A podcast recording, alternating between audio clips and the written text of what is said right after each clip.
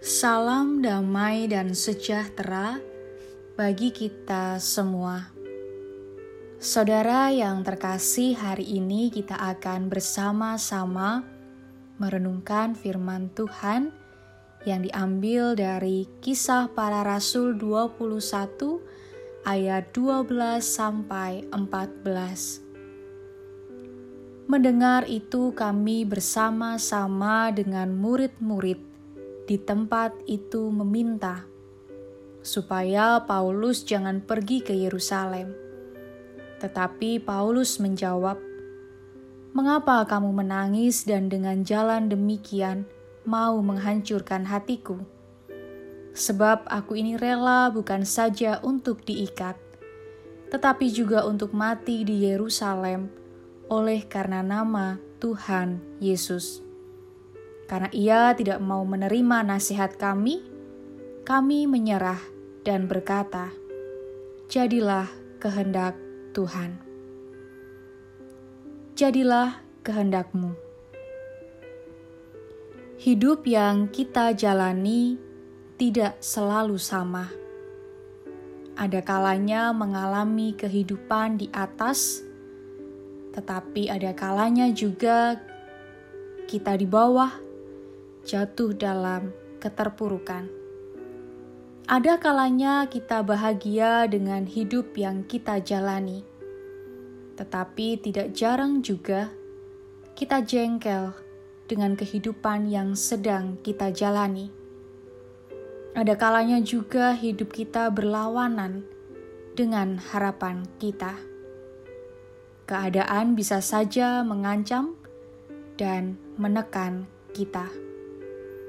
Ketika melihat kenyataan itu, akan menjadi kesalahan besar jika kita menaruh pengharapan pada diri sendiri atau kepada manusia. Pada bacaan kita, Paulus bermaksud untuk kembali ke Yerusalem untuk merayakan Pentakosta. Dalam perjalanannya, Paulus diingatkan sebanyak dua kali oleh Roh Kudus, yaitu di Tirsus dan Kaisarea, supaya tidak masuk ke Yerusalem. Namun, nampaknya Paulus tetap nekat untuk pergi ke Yerusalem karena keputusannya sudah bulat. Mengetahui tekad dan keputusan Paulus yang bulat ini, jemaat di Kaisarea berkata, "Jadilah kehendak Tuhan. Tentu kalimat ini bukanlah kalimat kalah atau menyerah. Akan tetapi justru kalimat ini merupakan doa mereka untuk Paulus. Sekalipun bagi mereka Paulus akan ditangkap, tetapi mereka berharap dan menyerahkan sepenuhnya kehidupan Paulus kepada Tuhan. Kiranya Tuhan berkehendak baik kepada Paulus. Tentu perkataan sahabat-sahabat Paulus ini sebuah doa yang luar biasa dan pengharapan mereka supaya Tuhan menjaga.